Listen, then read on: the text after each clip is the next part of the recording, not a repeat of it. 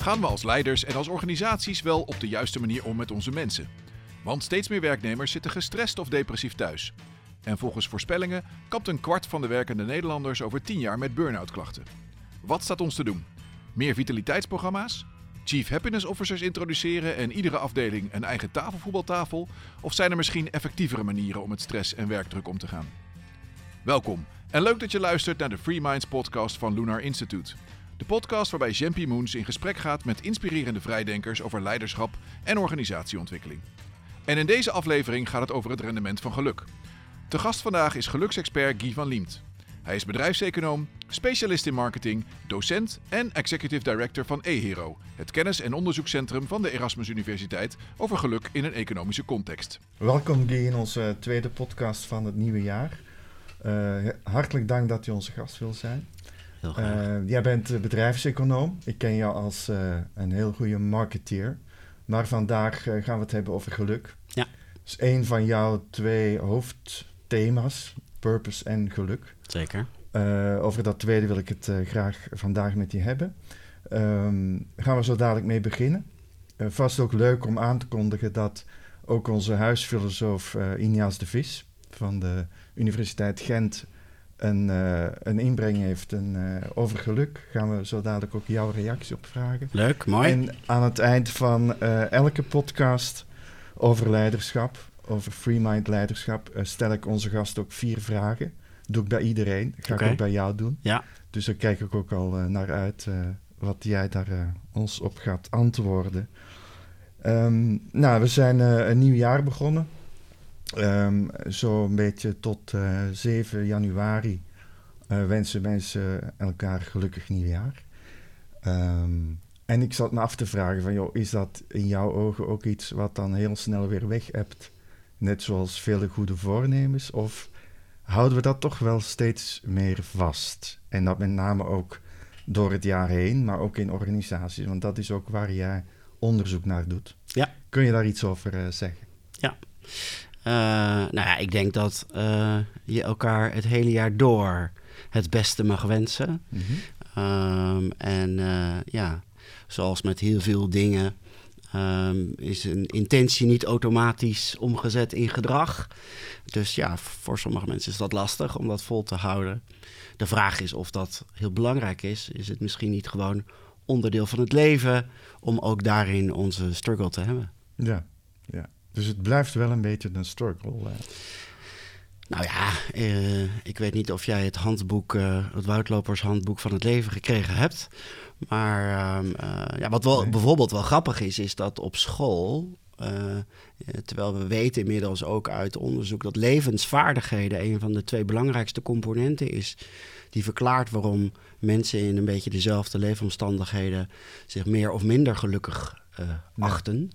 Uh, en levensvaardigheden, daar is geen aandacht voor op school. Nee. Iets, iets waar ik wel heel erg voor pleit, dat we dat ja. wel gaan doen trouwens. Ja. Dus, dus, dus ja, het is, ik bedoel, het, het glas is half vol of half leeg, maar um, um, uh, het is niet eenvoudig, laat ik het zo zeggen. Nee, oké. Okay. Kan je iets vertellen hoe je als econoom, hè, Mhm. mm -hmm. toch een, jouw achtergrond, op dat thema geluk bent terechtgekomen, wat jou daarin fascineerde of aanzet om, uh, om dat pad te kiezen? Ja. Ja, ik denk, nou, de grap is dat je, als je ziet hoe uh, dat onderwerp zich, laten we zeggen, vanaf de jaren uh, 60 in de wetenschap langzaam is gaan ontpoppen en eigenlijk met de, met de eeuwwisseling um, een, een, een boost heeft gekregen, eigenlijk door de positieve psychologie. Ja. Waarbij we eigenlijk met elkaar zeiden. Uh, uh, waarom moet psychologie nou allemaal alleen maar gaan uh, over mensen die ziek zijn of die het moeilijk hebben? En waarom kunnen we dat niet leren van mensen die het gewoon al lekker draaien? En wat zijn daar de lessen van? En daarmee zie je dat rond de eeuwwisseling dat de gelukswetenschap ook een, een, een boost heeft gekregen. Mm -hmm. En dat daarmee ook het, het, veel meer in de belangstelling is gekomen. Nou, eh, het interessante is dat wij het vanuit economie doen. Ja. Um, waarbij je dus eigenlijk ook kunt afvragen wat is het, het rendement van geluk. Mm -hmm. En uh, dat doen we natuurlijk een klein beetje met een knipoog. Want uh, veel mensen denken bij het woord rendement vooral en alleen aan economisch, uh, monetair rendement. Mhm. Maar rendement heeft natuurlijk veel meer kanten waar je naar zou kunnen kijken. Ik denk alleen wel, zeker als je het gaat hebben over uh, geluk als toepassing binnen organisaties, geluk ook als toepassing binnen de overheid, dat uh, we onze ogen niet moeten sluiten voor de, voor de financiële kanten daarvan. Ja, ja. Oké, mooi. Um, ik kom wel eens uh, mensen tegen in organisaties, leiders zeg maar, die dan denken, ja, interessant, geluk. En nou, wij bieden vanuit Luna daar ook programma's over aan, waar jij een van onze vaste gasten bent. Ja. naast uh, neurowetenschappers en, en psychologen en filosofen. en wat me daar wel eens in opvalt, is dat mensen zeggen: ja, weet je, kan geen kwaad. ik ben niet tegen, maar toch een beetje sceptisch. In de zin van, nou, eigenlijk als je het mij vraagt, geluk, nou, dat doe je maar in je vrije tijd. Of je moet gewoon doorwerken, niet te veel zeuren niet te soft doen ook. En uh, ga maar lekker ontspannen in je, in je weekend. Hoe kijk jij daar tegenaan? Zie, zie je dat? En nou, ik neem aan van wel, maar zie je daar ook verandering in? Uh, ja, om met dat laatste te beginnen. Je ziet heel duidelijk verandering. Um, um, en, en daar, daar kun je verschillende dingen voor noemen. Eén daarvan is dat we uh, steeds meer in een wereld zijn gaan leven waarin steeds meer kan. Ja. Met andere woorden, dat de keuze en uh, het bekende woord keuzestress toeneemt. En in zo'n uh, wereld waarin je veel meer keuzes kunt maken, komt natuurlijk ook de vraag naar voren: ja, wat levert me dan het grootste geluk op? Welke ja. keuze ik maak? Uh, ik zei al, de opkomst van de positieve psychologie, dus ook de, de kennis over het onderwerp neemt toe. En uh, uh, daarmee kunnen we dat ook, ook ja, meer handen en voeten geven. Ja. Nou, um, kijk, en ik snap ook heel goed dat, um, dat mensen daar, dat had ik zelf ook toen ik met het onderwerp in aanraking kwam, daar in eerste instantie even naar moeten kijken. wat dat betreft is het wel belangrijk dat het uh, heel erg afhangt van jouw invulling uh, van dat uh, begrip. Hmm. En eigenlijk moeten we een onderscheid maken tussen aan de ene kant mensen die geluk als het ware zien of opvatten als een ervaring of als enkel en alleen genot, als enkel en alleen plezier, wat feitelijk kortdurend is. Uh, maar dat is niet hoe wij het opvatten. Wij mm-hmm. kijken naar geluk en dat is een andere manier van kijken naar. En dat gaat veel meer over uh, tevredenheid, over kwaliteit van leven, over levensvoldoening. Mm-hmm. Dus alles bij elkaar genomen. Ja, hoe tevreden of hoe blij of hoe gelukkig ben je met je leven als geheel. En, en dat is veel meer een duurzame vorm. En als, ja. als je dat uitlegt aan mensen. Uh, dan herkent iedereen dat en zegt ook iedereen: ja, dat is belangrijk. Dat is niet een een dingetje op zichzelf. Ja, precies. Ja, ja. Oké. En heb je enig idee waar die, die onwennigheid vandaan komt? Is, is dat omdat we toch vrij rationeel denken over organisaties? Of, of is gelukkig dat thema dan toch nog een beetje een taboe? Een beetje, ja, zit in de softe hoek, hè, wat ik net zei. Van, ja. Ik ben niet tegen, maar ja, weet je, ik kan er eigenlijk ook niet zoveel mee. Nee. Ik zou niet weten wat ik dan anders moet gaan doen. Uh, ja. Buiten het aanstellen van een Chief Happiness Officer, hè, wat je wel eens ja. Uh, uh, ja. ziet langskomen. Ja. Nou ja, het, het, draait wat mij betreft vooral om, om, de vraag: wat is jouw doel? En met dat mooie Engelse woord purpose. Mm -hmm. van de organisatie. Um, en en, en, en ik wil daar helemaal niet dogmatisch in zijn. Uh, dus, dus als er organisaties of leiders zijn die zeggen: Ja, weet je, het belangrijkste doel voor mij is gewoon zoveel mogelijk geld verdienen, mm. dan is dat prima, maar dan is dat het doel. Ja. En in dat doel zou ik me kunnen voorstellen dat de mens het middel is, een human resource, om het doel te bereiken. Ja. Langsmand zie je dat uh, we ons ook gaan afvragen of dat dan het enige doel is. En uh, hou me te goede, uh, uh, iedereen die zegt dat geld en geluk niks met elkaar te maken hebben, die liegt. Vandaar ook het binnen het economische thema. Maar de vraag is of geld dan het enige doel is. En mm misschien is geld wel eerder een gevolg of een middel dan dat het een doel zou moeten zijn. Ja.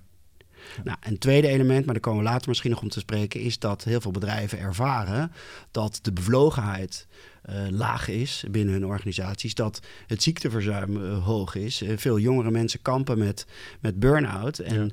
Nou ja, en dat, dat, dat stelt ook organisaties natuurlijk wel de vraag: ja, zijn we dan op de juiste manier met de mens bezig? Ja, precies. Ja. Daar komen we later nog op. Precies. Ja, ja, mooi. Nou, een, een andere vorm van commentaar die ik wel eens bespeur uh, bij de zogenaamde, nou, je zou ze bijna de happiness sceptici kunnen noemen, want die zijn er wel. Uh, die zeggen ook wel van, joh, het, het, gaat eigenlijk best wel goed met Nederland. We staan altijd ergens in de top 5 of zo. Ik weet niet exacte cijfers, jij weet dat beter. Mm -hmm. Van overal geluk. Ja. Hè? hebben zij gelijk? Zeggen ze van, joh, we moeten ons niet zo aanstellen. We ja, we staan er bij, eigenlijk best goed voor. Ja, uh, dat is zo. Mm -hmm.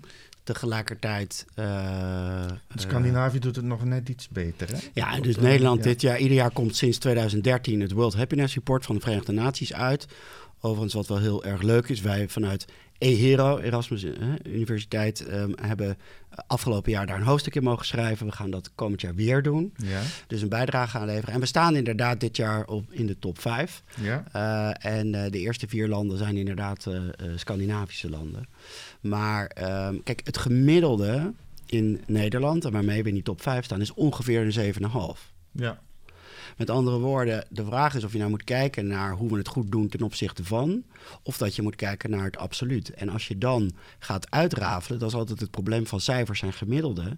Het gemiddelde is 7,5, maar er zijn 1 miljoen mensen in Nederland die hun leven, alles bij elkaar genomen, een onvoldoende geven. Ja. 1 miljoen mensen. Ja. Een vijf of lager. En er zijn nog eens een miljoen mensen die hun leven slechts een zesje geven. Ja. Dus ondanks dat we het zo goed doen, relatief in de wereld, ja, zijn er 2 miljoen mensen in Nederland. En, en vergeef, weet je, ik vind niet dat het. Het grootste probleem is dat het een wedstrijd gaat worden. Hmm. Het moet geen wedstrijd zijn. Twee, iedereen heeft recht op zijn eigen. waar die zit. Ja. Laat, dus, dus ik zit niet in, de, in het kamp van. gij zult moeten streven naar een 8 of. Nee. Weet je, dat moeten we vooral, denk ik, niet doen. Mhm. Iedereen heeft recht. Dus de eerste vraag is die je dan moet stellen aan iemand is ben je dan tevreden met die 7 of met die 8? En als het antwoord daarop ja is, Ja. weet je, prima. Ja. Um, maar het is nog steeds zo dat er wat, wat dat betreft nog wel een wereld te winnen is. Ja, ja, ja. Daaraan gelinkt en, en toch weer op een andere manier zie je dat uh, de zogenaamde cijfers over employee engagement, hè, Ja. voelen mensen zich betrokken bij, bij het werk wat ze doen. Hè. Uh, uh, daar zijn de cijfers niet zo mooi. Nee. Kan je daar iets meer over zeggen? Want ik, toen jij dat voor het eerst uh, in ons programma bij Lunar Liet vertelde, zien, ja. was dat nogal, de, groep reageerde daar ook nogal verbaasd op van wow, is het zo laag? Vertel. Um, wat natuurlijk interessant is bij Lunar, zijn het vooral uh, zeg maar leiders van bedrijven. Hè? Mhm. dus, dus dat is altijd een, een, een specifieke groep, Ja. hè, hoe die er tegenaan kijken. Maar het klopt. Uh, overigens heeft Gallup heeft dat uh, onderzocht, wereldwijd. En um, ja, het schrikbarende getal van de bevlogenheid... En dat doen ze aan de hand van de van, ja, twaalftal vragen. Ja. het schrikbarende getal van het aantal mensen dat uh, zegt bevlogen uh, te zijn op zijn werk, is wereldwijd 15 procent. Ja. Um, in West-Europa is dat 10 procent. Ja. Dus lager dan het wereldwijde gemiddelde. Ja. En in Nederland is dat 12 procent. En driekwart van de mensen in Nederland is niet bevlogen aan het werk. Zo. Ja, en dat is natuurlijk wel iets waarvan je schrikt. En wat bedrijven natuurlijk ook zien. En, en, en, en waardoor ze er misschien wat aan gaan doen. Ja, ja. Oké, okay, mooi. Een andere dimensie, je raakte die ook al aan, hè? het, het uh, ziekteverzuim, burn-out en zo. Uh, in steeds meer bedrijven is er aandacht voor vitaliteitsprogramma's, voor welzijn van medewerkers. Hè? Van, ja. En tegelijkertijd schieten toch die cijfers de lucht in, als Ja. het gaat over burn-out en met name ook bij jongeren. Ja. Hoe, hoe zie jij dat? wat is hier aan de hand? Doen, de, focussen we dan toch te veel op, op tennistafels en, en lekkere koffie? Of als oplossers, een beetje Ja. als pleisters? Ja. En gaat het voor de rest eigenlijk toch niet zo goed? Nou ja, uh, dat is een wat, ik ga wat complexer antwoord geven. Kijk, Mhm. uh, aan de ene kant zie je dus Nederland top 10, uh, top 5 van de wereld. Finland is overigens dit jaar de wereldkampioen op het gebied van geluk. Ja. De andere kant van de medaille is dat ook in Finland er heel veel mensen, en in Nederland, ja, depressief zijn. Ja. Dat we uh, ongelooflijk veel antidepressiva slikken met z'n allen. En dat ook zelfmoord, uh, zelfs heb ik begrepen, de belangrijkste uh, doodsoorzaak is onder jongeren. Mm -hmm. Dus we zijn al snel geneigd om achter zo'n gemiddelde en top 5 te denken: nou ja, het gaat allemaal goed en het is allemaal prima. Maar dat is dus de ene kant van het verhaal. Maar de andere kant van het verhaal is dat er nog wel wat te winnen is. Nou, dat geldt ook met die engagement. Um, ik denk dat het belangrijkste probleem van de huidige tijd eenzaamheid is. Ja, dat komt niet naar voren in uh, die cijfers. Dus, je, dus je moet daar veel genuanceerder uh, naar kijken. Ik weet niet of ik helemaal je vragen beantwoord. Mm -hmm. Ja, zeker. Ja, mm. ja. Wat, wat mij dan, en dat, weet je, dat, uh, dat is niet zo 1, 2, 3 te zeggen. Maar wat, hoe zou je dan als beleider in een organisatie, hoe zou je dan het thema echt uh, op de agenda kunnen zetten? Wat is daarvoor nodig? Of wat, wat zijn daar de eerste wellicht slimme stappen in? Um. nou, een van die dingen waardoor je ook ziet uh, um, dat jongeren het lastig vinden soms om hun plek te vinden uh, als medewerker is dat onze arbeidsorganisaties natuurlijk nog vrij traditioneel georganiseerd zijn doorgaans. Uh, andere werktijden kennen dan dat jongeren graag willen. Het begrip autonomie, wat een van de belangrijkste drijfveren voor de mensen is, ja. weinig ruimte krijgt. Of het wordt een laissez-faire. En dan is het laat maar gaan, terwijl wij allen uiteindelijk kinderen zijn en kader nodig hebben. Ja, precies. Uh, met andere woorden, daar hebben we nog wel wat uh, te winnen. En, en, en het is, je, je, ja, je ziet zelfs tieners heel veel last hebben van burn-out. Je ziet, ik geloof dat er meer dan 100.000 mensen tot 35 jaar thuis zitten met langdurige stress en burn-out klachten alleen in mm. Nederland. Ja. Met andere woorden, ja, we moeten er een antwoord op vinden. En dus wat vereist het? Is één de vraag: wat is nou eigenlijk het doel van ons als organisatie? Met andere woorden, um, uh, is dat alleen maar zoveel mogelijk geld verdienen? Zo ja, wees daar dan in ieder geval eerlijk over ja, en, duidelijk. en, duidelijk. over. Uh, of is er meer? Hè? Uh, en uiteindelijk twee, hoe speelt de mens, de factor mens, daar dan een rol in? Ja. Is de mens een doel op zichzelf?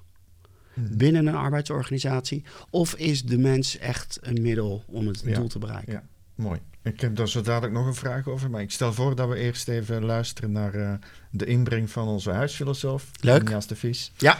Uh, laten we even naar zijn uh, commentaar ja. luisteren, zijn inbreng.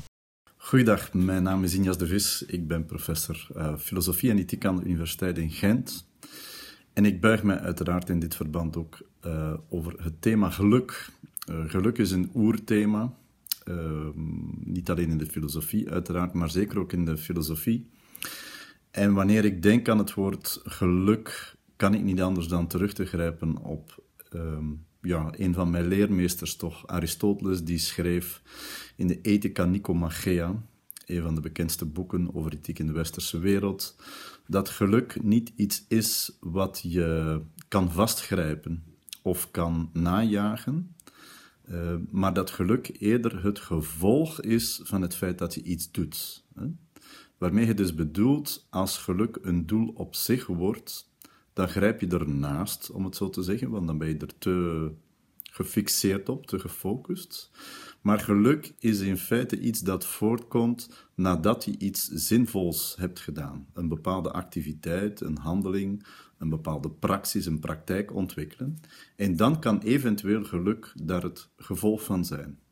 En ik vind dit wel een belangrijke uh, les voor onze uh, cultuur vandaag, omdat geluk wel een beetje deel is uh, beginnen uitmaken van een bepaalde geluksindustrie, die ons wijs maakt dat je op enkele uren per week of door één cursus te volgen het geluk helemaal kan maken en het kan vastgrijpen en het dan vervolgens ook uh, rendabel kan maken uh, of zonder meer uh, vastgrijpen en dit vast te leggen voor heel lange tijd. Dus ik denk dat we ons in de 21ste eeuw best wel mogen buigen over die les van een filosoof uit de vierde eeuw voor onze jaartelling. Hij kan het mooi verwoorden, hè? Ja. Oké, okay, hoe, hoe, uh, wat is jouw reactie uh, op het uh, verhaal van Ias? is maar kort natuurlijk, maar... ja, nee, maar ik denk dat hij heel mooi verwoordt wat, wat het onderscheid dat Aristoteles vroeger gemaakt heeft tussen het hedonische geluk. In het begin van ons gesprek gaf ik al aan, hè, dat plezier, genot, waarin dat centraal staat. En dat Aristoteles dat, dat dat eudaimonische, oftewel het deugdelijke, als het ware, een deugdzaam leven leiden. Uh, en dat dus geluk veel meer een, een gevoel is uh, wat niet voortkomt uh, uit een enkele. je kan een geluksmoment hebben, bijvoorbeeld een merel die fluit, een zon die schijnt, het gevoel dat je dankbaar bent voor, voor iets. Maar het gaat veel meer over die onderliggende, die algemene, dat algemene gevoel van, ah, ik zit lekker in mijn vel of het gaat lekker, weet je. De, we, we, kiezen natuurlijk bewust voor het begrip geluk, ook omdat het bijvoorbeeld dit soort gesprekken uitnodigt, een dialoog. Hè? Maar, want als ik nou zou zeggen, ja, ik ben directeur van het Instituut voor Kwaliteit van Leven, dan klopt dat inhoudelijk, maar dat nodigt op de een of andere manier minder uit voor dialoog. En dat is met dat woord geluk. Dus ik ben het helemaal met hem eens dat het daarover gaat. Overigens is nog wel interessant dat uh, Aristoteles eigenlijk, zeg maar, deugdzaamheid en nut uh, gelijk schakelde met uh, geluk. En er is nog wel een verschil tussen, laten we zeggen, een nuttig leven mhm. en een gelukkig leven. En een voorbeeld is mensen die, die mantelzorg ja, moeten verrichten. Dat is niet iets wat je vaak kiest, mhm. hè? Want dan kies je, maak je je beroep ervan. Ja. Maar wat op je pad komt, en dat doe je met alle liefde en plezier en overgave die je hebt. Maar we weten ook uit onderzoek dat je dat niet gelukkiger maakt, zeg maar. dus daar moet je nog wel onderscheid tussen maken. Ja, ja, ja. ja. mooi. Ja, oké. Okay. Uh, maar hij is, hij is ja, impliciet geeft hij ook wel een pleidooi aan om maak er alsjeblieft niet te veel een, uh, een, spreadsheet van. Absoluut, ja. sowieso. En inderdaad, wat je natuurlijk veel mensen ziet, of gij zult altijd gelukkig zijn, wat totale onzin is. Kijk, bij levensvoldoening en Dirk de Wachter roept er ook vaak genoeg hè, toe op. Uh, dat ongeluk hoort dus bij geluk.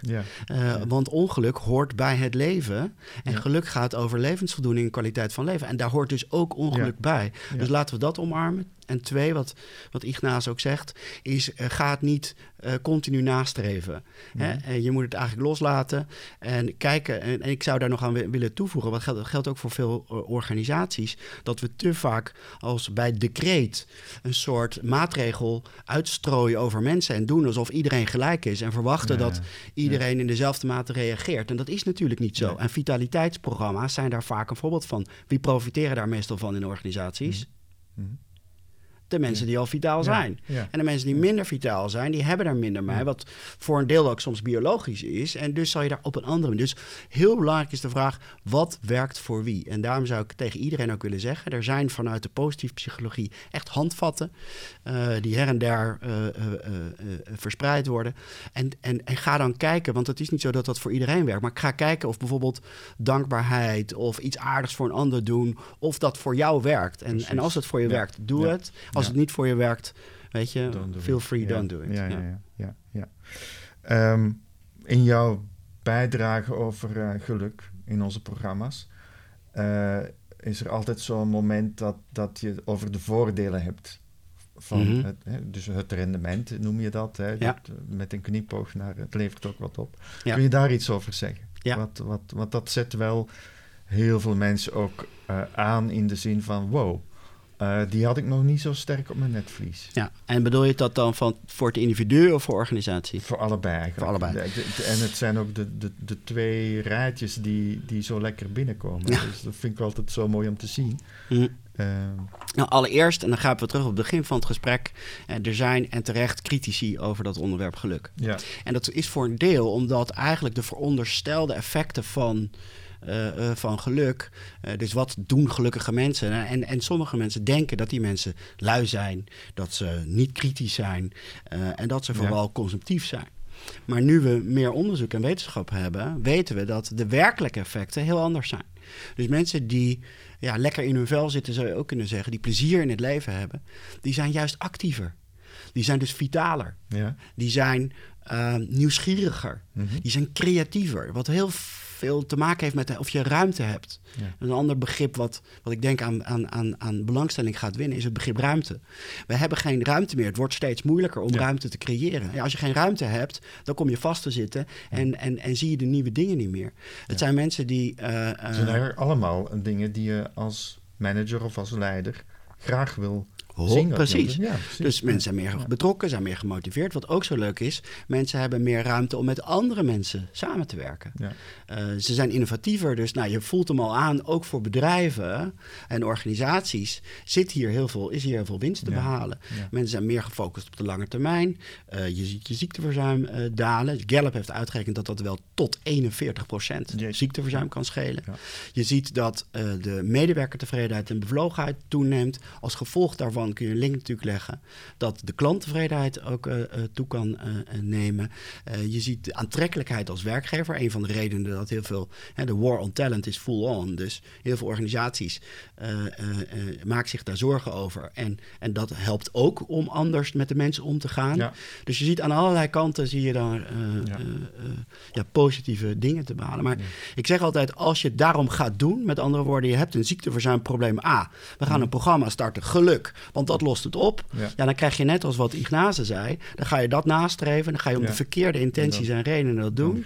en dan glipt het zo. Ja. Je kunt het niet afdwingen. Je kunt het niet afdwingen. mooi, mooi. Ik wil jou nog iets uh, voorleggen voordat we naar de, de leiderschapsvragen gaan. En dat gaat eigenlijk over uh, hoe wij zien dat heel veel uh, organisaties denken na over hun strategie, mm over hun visie over eh, eh, hoe ze de dingen, de organisatie organiseren, de governance en zo. En uh, wij zijn steeds vaker bezig, niet alleen met die buitenkant, maar ook met die binnenkant. En wij noemen dat eigenlijk uh, wel eens de vraag van heb je als leider of als MT nagedacht over het mentale design. Dus niet mhm. het strategic design, nou, dat moet je sowieso doen. Ja. Maar het mentale design van je organisatie. Ja.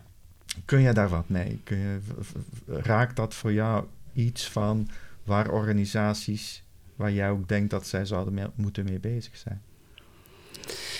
Ik denk uh, dat dat geldt voor ieder mens. Ja? Dus ook voor de leiders. Je zou kunnen zeggen misschien wel juist voor de leiders, maar ik denk dat... Uh, dus ja, de, de, de, de, zeg maar het, het brein in de boardroom ja.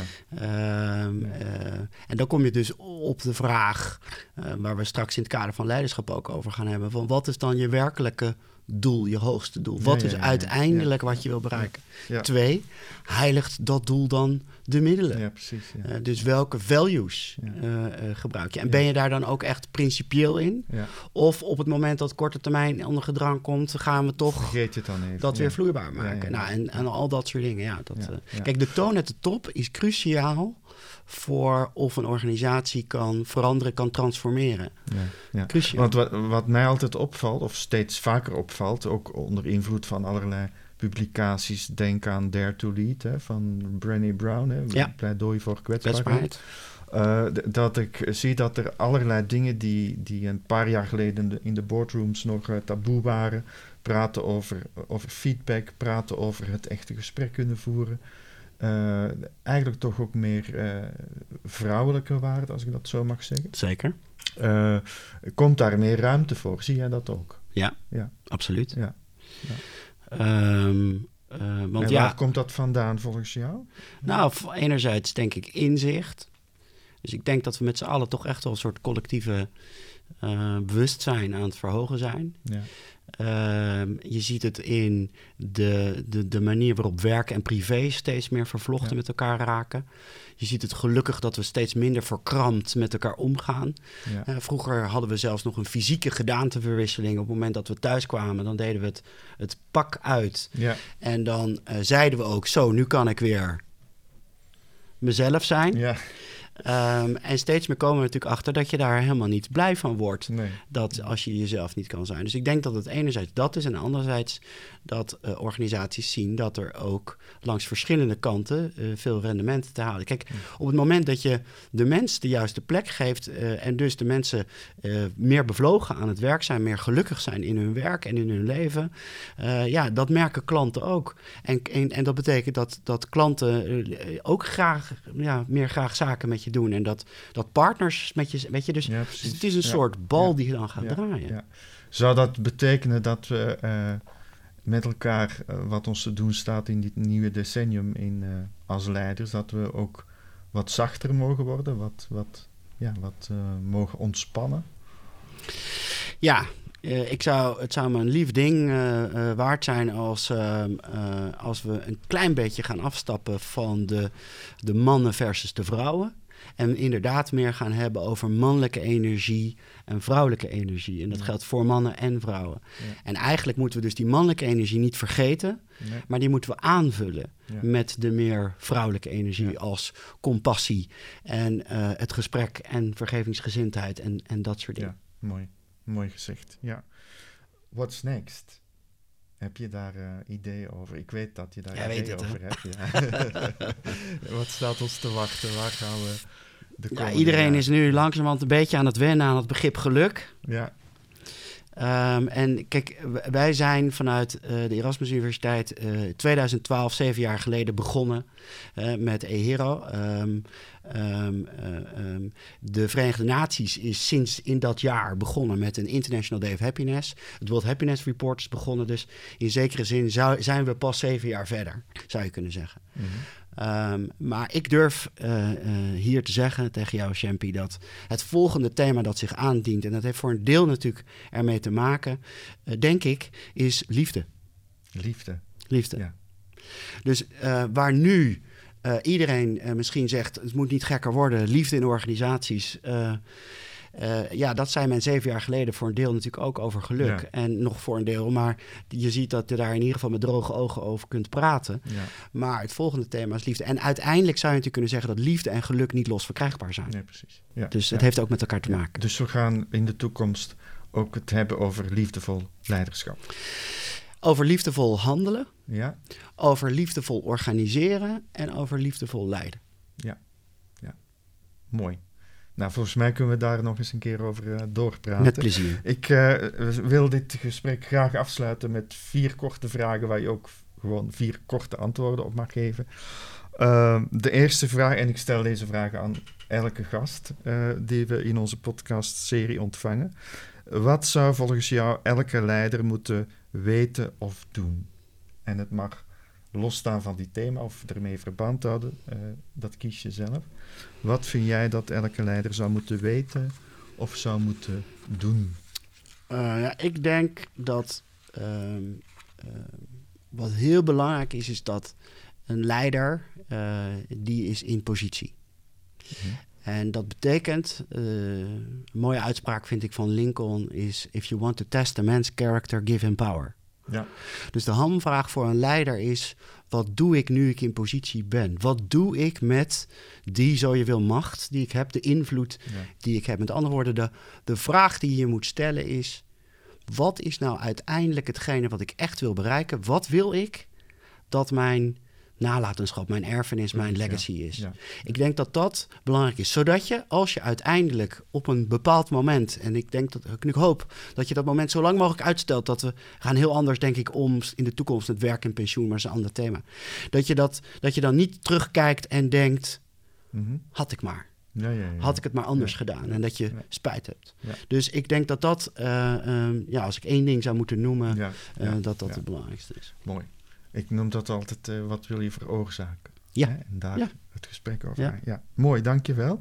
Welke eigenschap of talent vind jij van het allergrootste belang voor een free mind?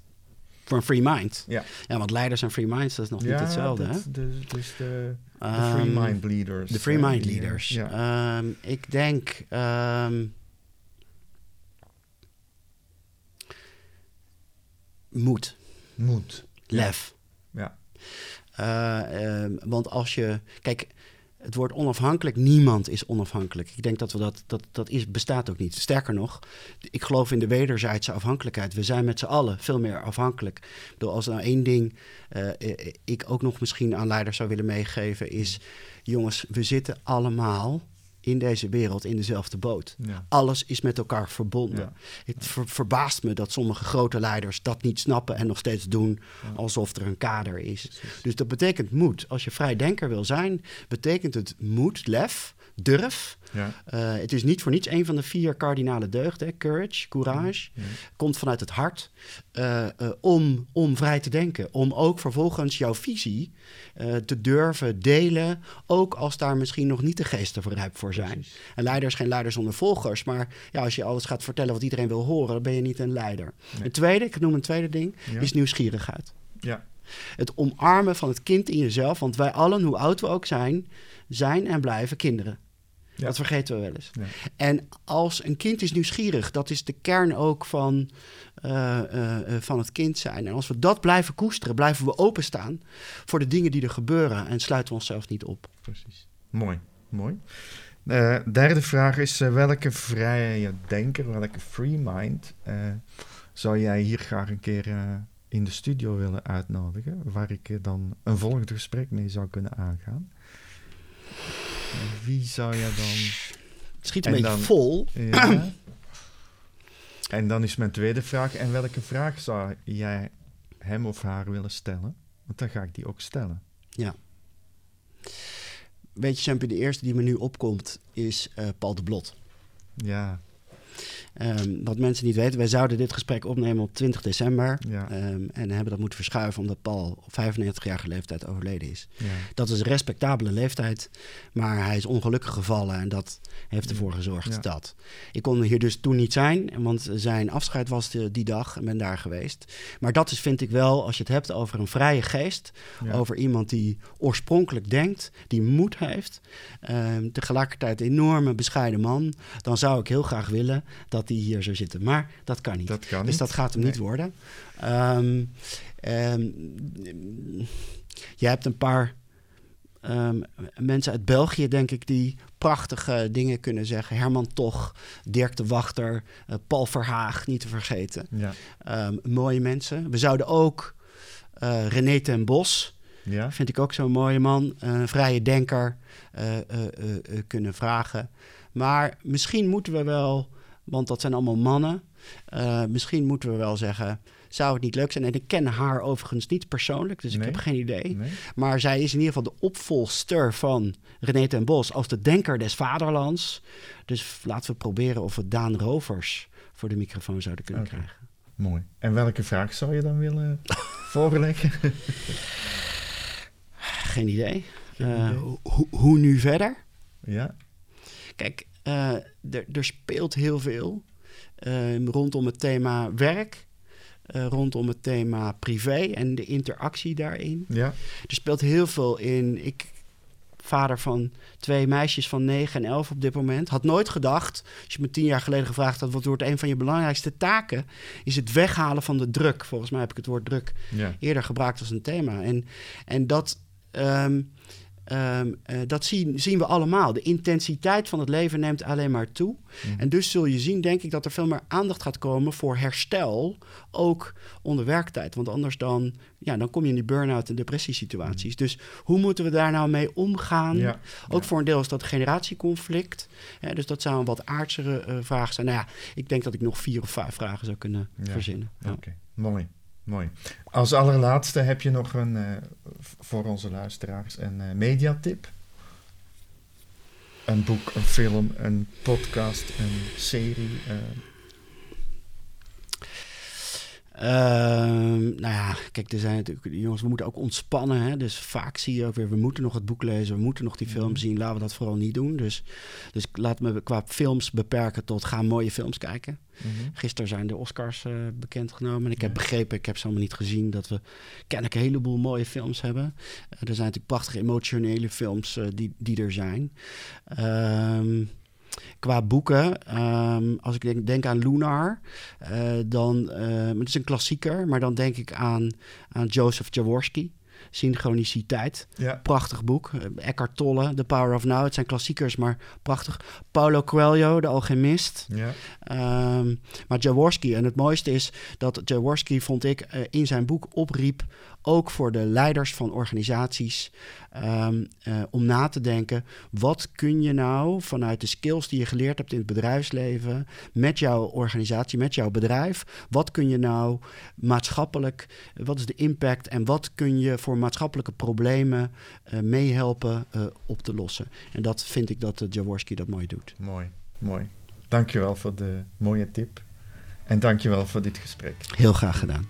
Vond het heel tof. Wederom vanuit Vondel CS was dit de Free Minds podcast van Lunar Institute. Luister de volgende keer naar Farid Tabarki, trendwatcher en oprichter van Studio Zeitgeist. Jean-Pierre en Farid hebben het dan samen over de tijdgeest en de impact van de digitale revolutie op leiderschap, organisaties en werken. Vond je het een interessante aflevering? Vergeet je dan vooral niet op deze podcast te abonneren. En ben je zelf ook een vrije denker? Kijk dan zeker ook even op lunarinstitute.com voor meer inspiratie. Hier vind je ook meer info over onze community of the Free Minds. Bedankt voor het luisteren. Tot de volgende maand.